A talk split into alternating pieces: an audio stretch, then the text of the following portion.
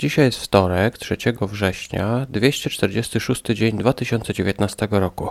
Ja witam Was jak co dzień w biblijnym podcaście, w podcaście, w którym nagrywam ciekawe myśli znalezione podczas czytania materiału na dzisiaj. Przypominam, że jest to program czytania Biblii w rok, całej Biblii w rok. Dzisiaj zakończymy Księgę Ród.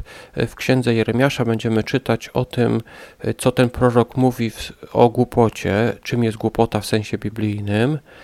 Później takie pytanie, czy można mieć kościół w swoim domu? To oczywiście list do Koryntian. A na koniec, czy leniwy jest mądrzejszy od pracocholika? Ród, rozdział czwarty. Boaz żeni się z Moabitką Rut. Najpierw jednak załatwia w bramie miasta sprawę z bliższym krewnym. On nie chce się ożenić z Rut, więc Boaz bierze to na siebie. W Rut 4.10 czytamy. A także nabyłem dla siebie za żonę Rut, Moabitkę, żonę Machlona, aby utrwalić imię zmarłego na jego dziedzictwie, aby nie zginęło imię zmarłego wśród jego braci, ani wśród jego współmieszkańców. Wy dzisiaj jesteście dla mnie świadkami w tej sprawie. Jest to bardzo ważna historia w rodowodach biblijnych. Dlaczego? Ostatnie dwa wersety tego rozdziału mówią tak. Rut, czwarty rozdział, wersety 21-22. Szalmon był ojcem Buza, Buz był ojcem Obeda, Obed był ojcem Jessego, a Jesse był ojcem Dawida. Buz i Obed byli przodkami króla Dawida, a więc także Jezusa. Przy okazji warto może wspomnieć, że Szalmon, ojciec Boaza albo Buza, był tym Izraelitą, który ożenił się z Rahab z Jericha.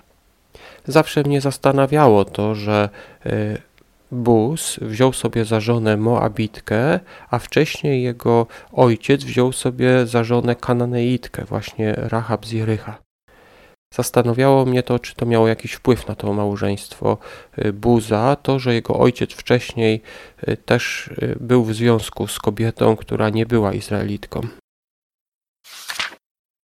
Jeremiasza, rozdział czwarty. Opis zagłady przychodzącej na Jerozolimę. I tutaj czytamy o ludziach, którzy są głupi w sensie biblijnym. Zobaczmy Jeremiasza, czwarty rozdział, 22 werset. Tak, niemądry jest mój naród, nie uznają mnie. Są dziećmi bez rozwagi, nie mają wcale rozsądku. Mądrzy są w popełnianiu nieprawości, lecz dobrze czynić nie umieją. Jak Biblia definiuje głupotę? Głupotą jest nieposłuszeństwo wobec Boga. Nie oznacza to jednak literalnej głupoty, bo ci ludzie są mądrzy w popełnianiu nieprawości, tak ten werset mówił. Stosują rozwagę, ale nie stosują tego w kwestiach duchowych. Tak więc, gdy w Biblii czytasz o głupocie, bardzo często y, tutaj jest mowa nie o kimś, kto jest po prostu, nie wiem, kto ma jakieś problemy właśnie ze swoją inteligencją, tylko kimś, kto źle używa tej inteligencji. 1 Koryntian, rozdział 16. Zbiórka pieniędzy na głodujących w Jerozolimie oraz końcowe rady i pozdrowienia.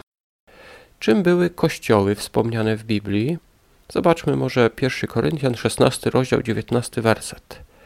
Pozdrawiają was kościoły Azji, pozdrawiają was serdecznie w Panu Akwilla i Pryscylla, razem ze zbierającym się w ich domu kościołem. Akwilas i Pryscyla mieli kościół w swoim domu. W innych przekładach Biblii zamiast słowa kościół będzie tu na przykład słowo zbór albo zgromadzenie. Chodzi tutaj o grupę ludzi, a nie o budynek. W innych przekładach y, to słowo być może będzie oddane jako zbór, na przykład w Biblii Warszawskiej w Biblii Warszawskiej czytamy tak. Pozdrawiają was zbory azjatyckie, pozdrawia was Panu serdecznie Akwila i Pryscyla ze zborem, który jest w ich domu. Tak więc, kiedy napotkamy w Biblii słowo kościół lub zbór, to prawie na pewno chodzi o grupę chrześcijan w jakimś miejscu, a nie o budynek, w którym oni się spotykają. Księga Przysłów, 26 rozdział, versety 13 do 16. Te cztery wersety mówią o lenistwie. Zobaczmy chociażby przysłów 26, rozdział, werset 16. Leniwy ma się za mądrzejszego niż siedmiu, co odpowiada rozumnie. Leniwy uważa się za mądrzejszego. W jego oczach to ludzie zapracowani są głupi, oni niepotrzebnie zapracowują się, on jest mądry, bo on odpoczywa. Oczywiście pracoholizm jest głupi.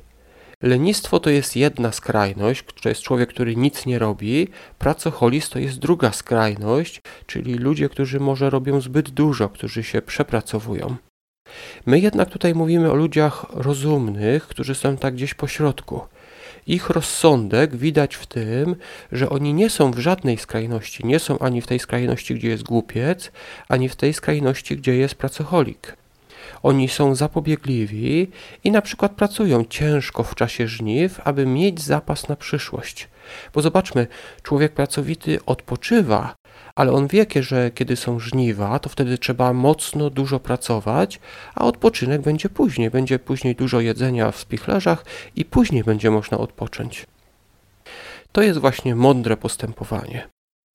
Głupi jednak uważa się za mądrzejszego od takich zapracowanych i zapobiegliwych.